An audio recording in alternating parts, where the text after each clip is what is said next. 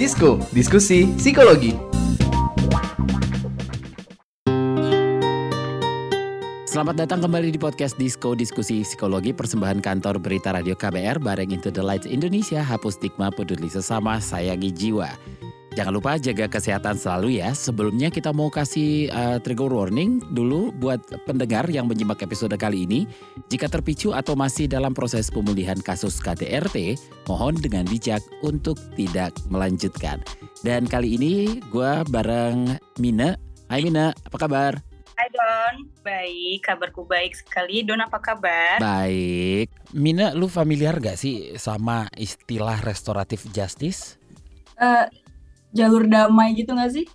Tapi gimana menurut lo kalau dipakai buat kasus KDRT? Gue bingung sih sebenarnya hmm. Don, karena kalau kasus KDRT itu kan sudah ya kekerasannya itu sudah terjadi ya, makanya hmm. bisa dibilang kasus KDRT. Jadi emang bisa ya nyelesain akar masalahnya?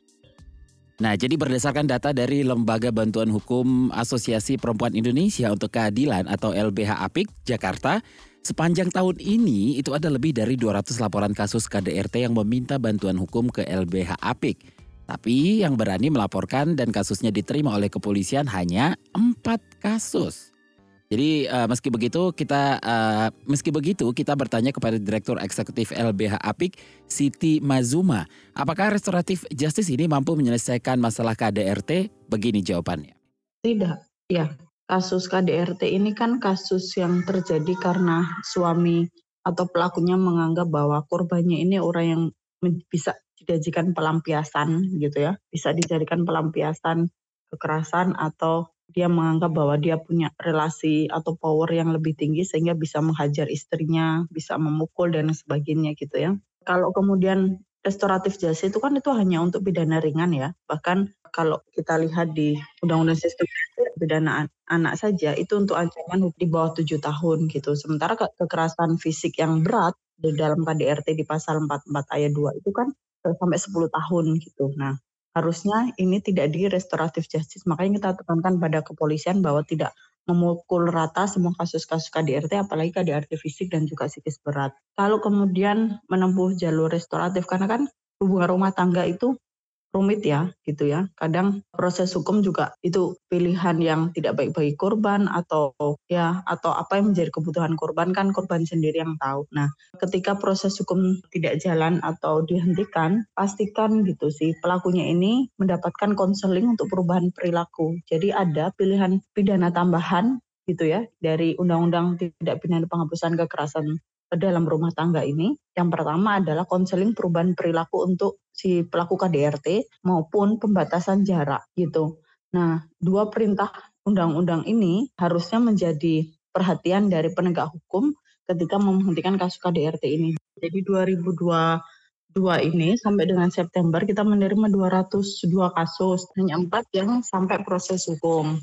Nah, ini kan kasus yang selalu tertinggi ya dari tahun ke tahun baru 2021 kemarin itu kekerasan berbasis gender online yang paling tinggi gitu. Jadi datanya memang selalu banyak gitu ya dan mendominasi kasus-kasus kekerasan terhadap perempuan yang lain. Ini kasus yang khas KDRT banget. Jadi nggak kaget sebenarnya sih. Bahkan kemarin ketika apa September itu kita melihat laporan terus kemudian juga proses visum untuk pemanggilan saksi yang cepat. Kalau saya lihat ya, tidak dibarengi dengan penguatan psikologisnya si si korban gitu sebagai pelapor. Padahal itu sangat penting karena kebanyakan kasus-kasus KDRT tidak jalan. Salah satu penyebabnya adalah dari korbannya sendiri yang tidak mau proses lanjut. Nah, Don, ternyata kekerasan dalam rumah tangga atau yang kita biasa kenal sebagai KDRT ini merupakan salah satu tindakan pidana yang memiliki aturan hukum yang jelas loh sebenarnya. Mm-hmm. Karena pelaku KDRT ini bisa terancam hukuman berat hingga 20 tahun penjara.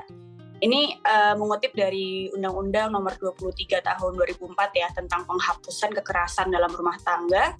KDRT adalah setiap perbuatan terhadap seseorang, terutama perempuan, yang berakibat timbulnya kesengsaraan atau penderitaan secara fisik, seksual, psikologis, dan atau penelantaran rumah tangga termasuk ancaman untuk melakukan perbuatan, pemaksaan, atau perampasan kemerdekaan secara melawan hukum dalam lingkup rumah tangga.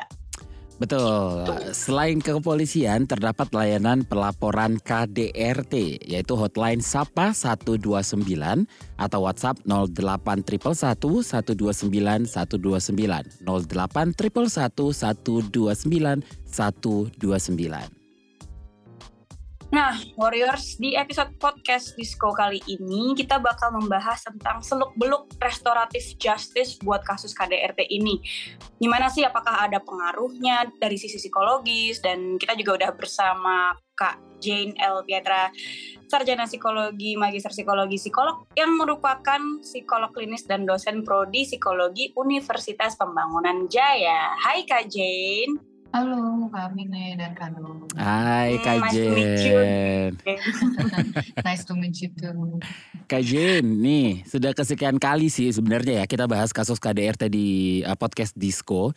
Sebenarnya mengapa kasus KDRT ini uh, serasa kayak gak ada habisnya gitu loh. Dan ya bisa menimpa siapa pun latar belakangnya gitu loh Kak. Nah, kalau kita berbicara mengenai kasus KDRT ya, mengenai KDRT ini sebenarnya menjadi salah satu bentuk kekerasan terhadap perempuan.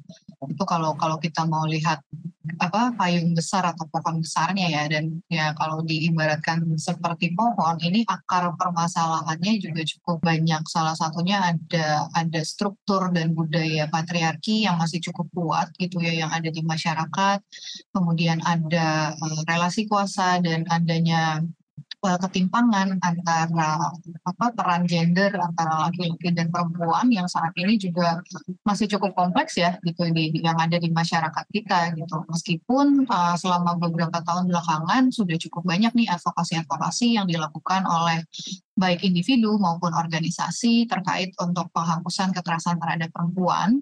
Tapi karena budaya dan secara struktur uh, ini masih mengakar kuat, nah makanya kenapa kasus-kasus kekerasan ini juga apa ya istilahnya masih masih cukup banyak terjadi sih di masyarakat gitu.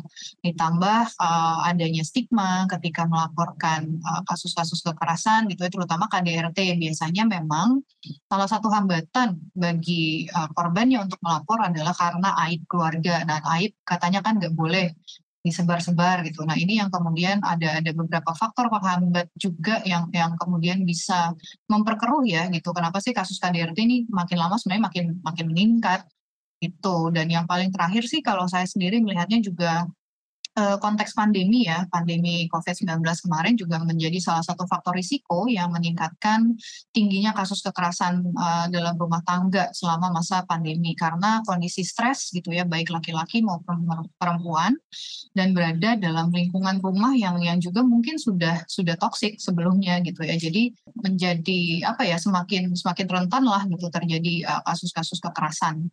Itu sih Oke Kak Jane, tadi sebenarnya udah disebutin ya beberapa faktor yang mungkin bisa menyebabkan KDRT kayak uh, lingkungan rumah tangga yang toksik, ada stres, pandemi gitu. Tapi kira-kira ada juga nggak sih faktor faktor-faktor lain yang menyebabkan KDRT dan juga kenapa gitu penyelesaian kasusnya tuh seolah-olah nggak bisa tuntas? Oke, kalau faktor lain sebetulnya cukup banyak ya, dan kita perlu melihat ini uh, kompleksitas dari kasusnya sendiri gitu. Kalau secara sosial tadi sudah sempat disinggung mengenai stigma dari masyarakat sendiri uh, terkait dengan uh, kasus kekerasan dalam rumah tangga. Nah, selama ini kan orang-orang banyak melihat bahwa apa yang terjadi dalam rumah tangga itu hanya cukup rumah tangga itu saja yang tahu. Sehingga ketika ada kasus kekerasan di dalam rumah tangga tersebut dilaporkan atau dibeberkan istilahnya. Nah, ini yang kemudian menjadi dilema bagi si si korban ini untuk melaporkan karena khawatir dia malah disalahkan. Bagaimana masyarakat juga pandangan-pandangan masyarakat ini juga sebetulnya besar ya pengaruhnya gitu terhadap dampak dampak psikologis si korban gitu. Dia jadinya ketakutan ini kalau saya lapor nantinya saya disalahin atau enggak. Kalau saya lapor saya dipercaya atau tidak. Karena bisa saja pelaku-pelaku justru tampil di masyarakat itu cukup apa ya cukup uh, cukup charming ya gitu sehingga banyak sekali tetangga-tetangga atau masyarakat di, di sekitar mereka itu mempertanyakan loh kan itu pasangannya saya kenal kayaknya baik-baik saja kok kayaknya selalu ramah dan mesra ya masa sih dia jadi pelaku nah jadi kan uh, dilematis juga tuh bagi korbannya untuk melaporkan kemudian faktor berikutnya adalah mungkin sejauh ini uh, apa ya payung hukum kali ya mereka sendiri juga uh, para pelapor-pelapor ini, korban-korban ini masih masih bimbang nih. Jadi sebenarnya kalau saya melapor, ada payung hukumnya nggak? Bisa ditindak nggak? Dan seberapa para petugas hukumnya nanti bisa mempercayai saya? Jangan sampai nanti ketika dia sudah melapor gitu ya, pikiran-pikirannya kan uh, kalau nggak dipercaya sama polisi gimana? Kalau nggak dipercaya sama uh, pengacaranya gimana, nanti dibilangnya lebay atau misalnya uh, nanti kalau disampai ke pengadilan hakimnya mau percaya atau tidak. Nah, makanya sangat penting sekali uh, sosialisasi mengenai undang-undang uh, terkait dengan PKDRT ini ya tadi sudah sempat disebutkan juga gitu. Nah, meskipun undang-undangnya sudah ada tapi bagaimana implementasinya gitu. Jadi kompleks sih sebetulnya apakah kemudian ketika uh, ada di lapangan gitu ya pihak-pihak yang berwajib atau berwenang dalam proses litigasi atau proses penanganan secara hukum apakah memang sudah peka apakah atau belum terkait dengan penanganan terhadap korban-korban dari uh, eh, KDRT gitu. Jadi memang uh, cukup banyak sih faktor-faktor yang bisa mempengaruhi kenapa akhirnya tuh uh, korban ini jadinya bingung dan enggan untuk melapor. Itu sih. Oke, jadi menurut kajian apa yang masih jadi penghambat penanggulangan KDRT ini di Indonesia yang mesti dilakukan terhadap uh, penghambat itu agar penanggulangan kasus KDRT berjalan baik apa nih kajian? Penanggulangannya yang masih ini ya, kalau kalau mungkin dari diimplementasi dari ininya sih implementasi payung hukum yang sudah ada gitu. Dan saat ini uh, untungnya gitu ya kita juga sudah ada uh, undang-undang PPKS gitu kan yang disahkan di hmm. tahun 2022 ini. Yang yeah. ini uh, yang mana tidak hanya menaungi masalah KDRT saja tapi juga kekerasan gitu. Kalau kalau kemarin-kemarin kita cuma punya undang-undang untuk KDRT, tapi sekarang kita punya untuk kekerasan terhadap perempuan dan kekerasan seksual lah gitu kan. Nah sehingga implementasi dari undang-undang ini yang yang juga perlu dikawal sebetulnya apakah kemudian dari dan dan penanganan kekerasan gitu ya termasuk juga KDRT ini sebenarnya penanganan multisektoral nih Adon. Yeah. Kenapa dibilangnya multisektoral? Karena kan melibatkan ya berbagai macam ranah mulai dari ranah medis, kemudian ada ranah psikologinya, kemudian ada ranah hukum. Jadi tidak tidak sebatang kara lah gitu harus harus menangani ya karena kalau misalnya hanya hanya uh, single fighter, justru penanganannya memang menjadi uh, tidak efektif sehingga penting juga nih untuk memberikan apa ya istilahnya pemahaman-pemahaman yang lebih sensitif atau peka gitu ya terhadap isu gender maupun isu-isu uh, terkait dengan uh, kerentanan korban gitu. Nah ini yang mungkin kalau kalau saya sih melihatnya juga sudah cukup banyak ya dimulai perlahan-lahan lah diimplementasikan uh, oleh para penegak hukum kita gitu. Oke Kak Jen, um, aku juga jadi penasaran sih, um, ketika kita bahas mengenai KDRT itu tentunya kan ada dampak psikologisnya ya yeah. Kak Jen. Boleh dijelaskan lebih mendalam nggak Kak tentang dampak psikologis yang dialami oleh korban KDRT itu sendiri? Ya, kalau terkait dengan dampak psikologis ini juga cukup beragam ya uh, kami ini karena kalau misalnya kita berbicara KDRT bentuk-bentuk KDRT-nya sendiri kan juga cukup banyak ya mulai dari kekerasan fisik, kemudian kekerasan seksual, ada emosional sampai penelantaran ekonomi itu juga ada. Nah, apakah dalam satu kasus KDRT itu dia mengalami bentuk semua bentuk atau salah satu bentuk atau yang mana? Gitu. Nah ini uh, dampak psikologisnya juga mungkin bisa beragam nih antara satu individu dengan individu yang lain. Tapi yang memang uh, paling bisa terhighlight atau yang paling paling sering muncul adalah uh, jadi apa ya istilahnya uh, hilangnya rasa rasa percaya terhadap terhadap orang lain, trust trustnya itu jadinya hilang, kemudian uh, rasa keberhargaan dirinya pun hilang, kemudian ada ada perasaan-perasaan bersalah dan menyesal gitu, itu juga bisa muncul. Kenapa sih kok saya jadinya milih uh, niatnya pernikahan ini baik-baik saja tapi kenapa jadinya begini? Nah, itu itu juga juga jadinya suka muncul. Kemudian belum lagi kalau dalam dalam keluarga itu juga sudah sudah ada apa ya, sudah memiliki anak. Biasanya pertimbangannya juga lebih lebih kompleks lagi tuh. Nih nanti kalau misalnya saya berpisah memutuskan berpisah bagaimana dengan anak-anak saya? Nah itu kan jadi jadinya cukup uh, kuat sekali ya kebimbangan dan kemudian dampak-dampak secara uh, secara psikologisnya gitu. Apalagi kalau seandainya memang uh, si pasangannya ini juga tergantung secara ekonomi.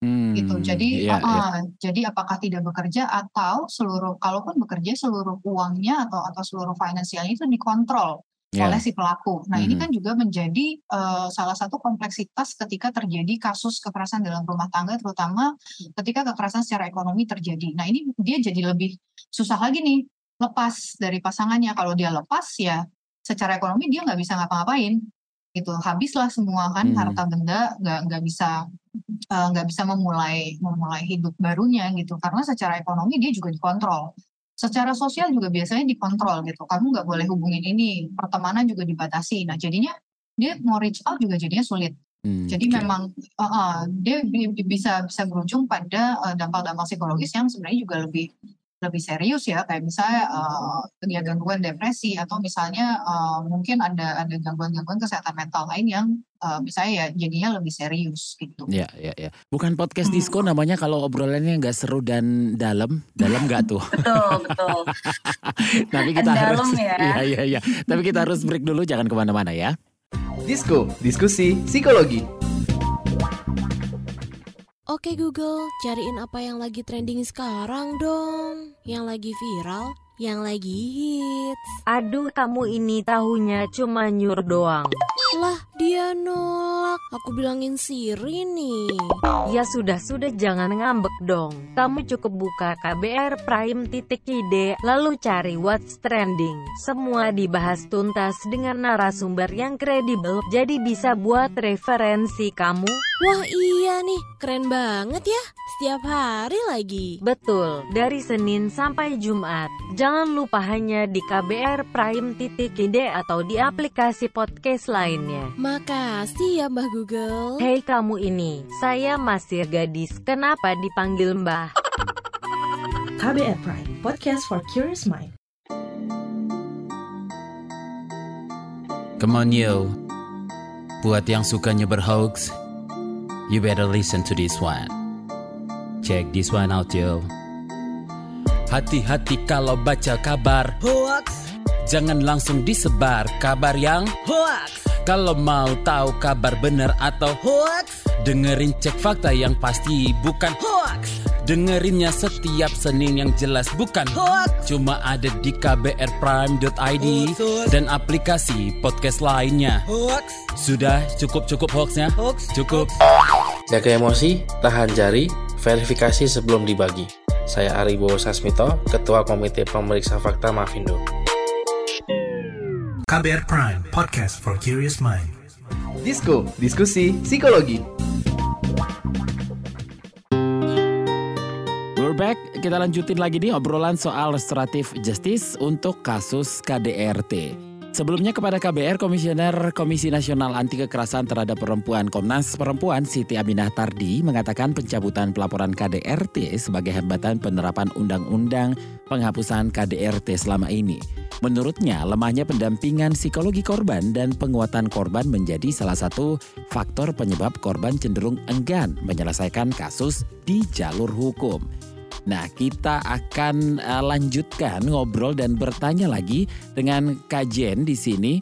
Kak Jen, eh, jalur hukum seperti apa yang biasanya ditempuh korban nih Kak Jen? Kalau jalur hukum sih sebetulnya lebih cocok dijawab oleh orang hukum ya, Hmm. gitu ya. Se- Tapi eh, kalau yang eh, dalam kasus KDRT sebetulnya jalurnya itu memang ada dua, ada jalur litigasi atau jalur penanganan hukum dan jalur non litigasi. Gitu. Nah kalau jalur non litigasi biasa itu pengaduan ke Komnas Perempuan atau misalnya ke apa ya Komnas Perempuan atau Komnas HAM. Jadi eh, apa melaporkan tindak eh, kejahatan atau tindak kekerasan yang dialami oleh si eh, si korbannya untuk kemudian dirujuk dan mendapatkan dampingan psikologis.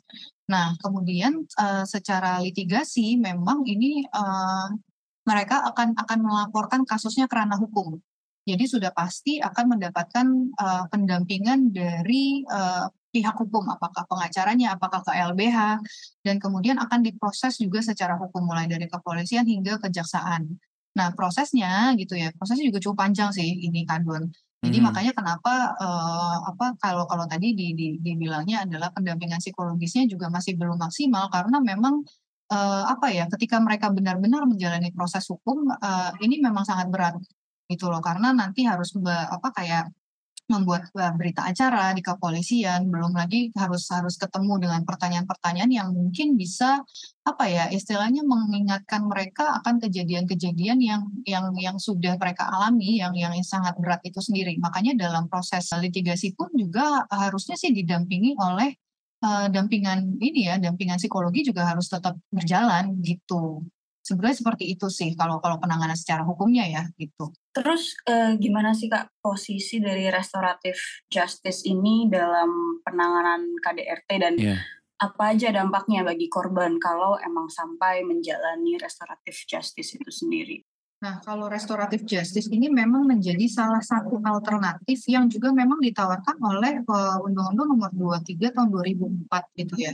Tapi memang, uh, nah kalau KDRT kasusnya ini kan adalah delik aduan, artinya adalah ini bisa jadi kasus kalau diadukan hmm. gitu di kepolisian. Yeah. Nah, ketika aduan tersebut dicabut, maka proses hukum tidak dapat diteruskan kembali. Hmm. Gitu. Jadi ya udah selesai, dianggap selesai.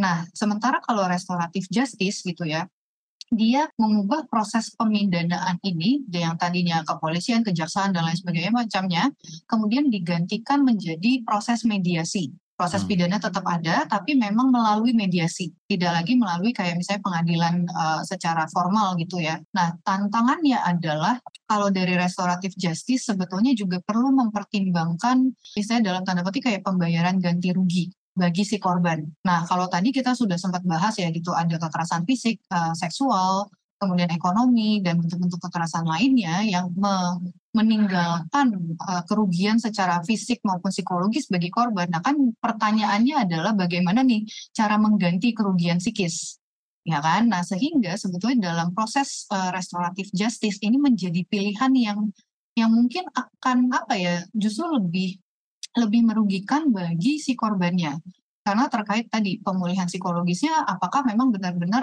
uh, bisa berjalan atau tidak dan belum lagi nanti proses dalam proses mediasi mereka akan dipertemukan gitu antara si pelaku dan juga korban. Nah, uh, padahal dalam kasus KDRT sendiri kan akan lebih baik jika gitu ya ini mereka tidak di, dipertemukan dalam satu ruangan yang yang sama gitu apalagi kalau seandainya kejadian kekerasan ini sudah sudah terjadi selama uh, bertahun-tahun dalam dalam lingkungan uh, rumah tangga yang juga sangat sangat toksik tadi gitu. Jadi dampaknya sebetulnya juga bisa sangat apa ya berkali-kali lipat sebetulnya bagi si si korbannya dan sebetulnya restoratif justice ini memang akan ya bisa diambil ketika tindak pidana juga tindak pidana yang yang ringan ya gitu. Sementara kalau KDRT sih kayaknya susah banget untuk di restoratif justice karena tadi delik aduan ketika itu dicabut dianggapnya dalam tanda petik ya selesai dan makanya kenapa tadi uh, terjadi impunitas. Impunitas itu artinya adalah uh, proses hukumnya nggak ada,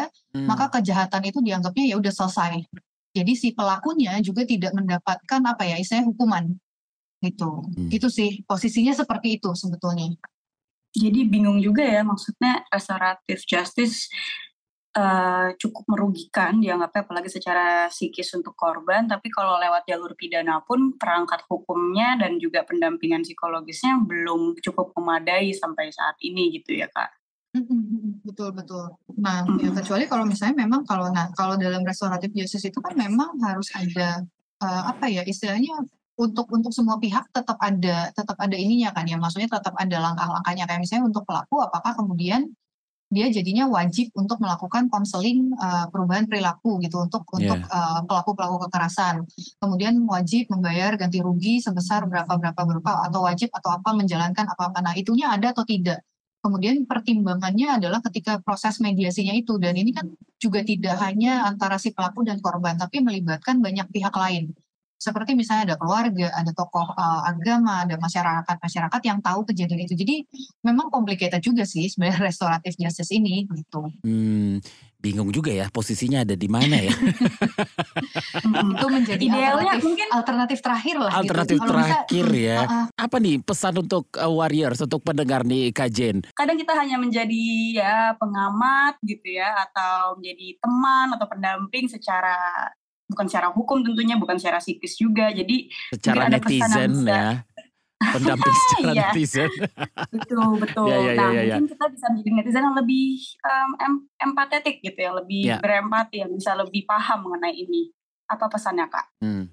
Oke, kalau untuk pesanku ya untuk para pendengar yang mungkin saat ini sedang berada dalam siklus kekerasan uh, dalam rumah tangga gitu, ingatlah bahwa kekerasan yang terjadi bukan salah kamu, gitu dan kamu tidak sendirian, usahakan kamu nge-reach out, cari teman-teman yang menurut kamu bisa kamu percaya dan uh, bisa menolong kamu, tapi pastikan juga keamanan kamu ketika ingin mencari bantuan. Dan tadi sudah sempat disebutkan ada nomor pelaporan Sapa 129 Ya. hotline yang bisa kamu hubungi. Jangan sungkan untuk melapor ke situ gitu ya dan cari eh, teman-teman yang bisa membantu dari segi hukumnya ketika kamu ingin memproses eh, ini secara hukum. Nah, kalau buat teman-teman pendengar yang mungkin menjadi teman gitu ya atau atau punya kenalan yang mungkin saat ini sedang berada dalam siklus eh, berkekerasan, kamu bisa menjadi teman pendengar yang baik, kamu bisa kasih informasi-informasi yang relevan gitu ya, tadi nomor hotline, kemudian ada sumber-sumber informasi pelaporan Komnas Perempuan atau Komnas HAM dan juga LBH-LBH yang bisa mereka reach out. Dengarkan mereka secara empatis, percaya mereka gitu. Nah, sementara kalau buat para warriors yang masih single dan sedang menimbang-nimbang apakah saya akan melanjutkan ini ke jenjang berikutnya, nah mungkin mulai bisa dilihat-lihat tuh apakah eh, pola selama ini dalam berpacaran atau mencari pasangan sebetulnya eh, dalam konflik penyelesaian konflik apakah kalian sama-sama bisa menyelesaikan konflik ini dengan baik atau Nah, tidak ya. atau jangan cuman main diem-dieman aja terus kemudian main emotional blackmail Mhm. atau ada ada bibit-bibit yang sebetulnya sudah kalian curigai bahwa kalau diteruskan ini potensinya bisa sangat membahayakan Ya. bagi hubungan kalian itu.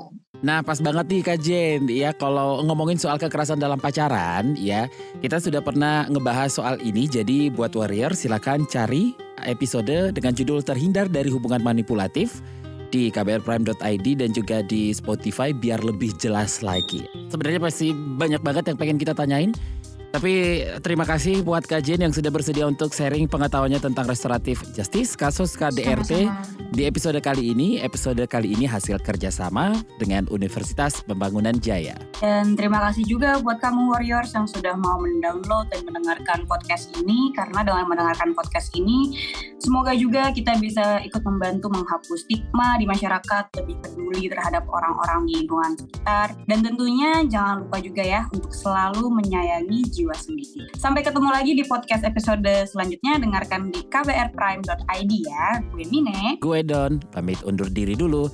Bye-bye. Bye bye. Disko, diskusi psikologi.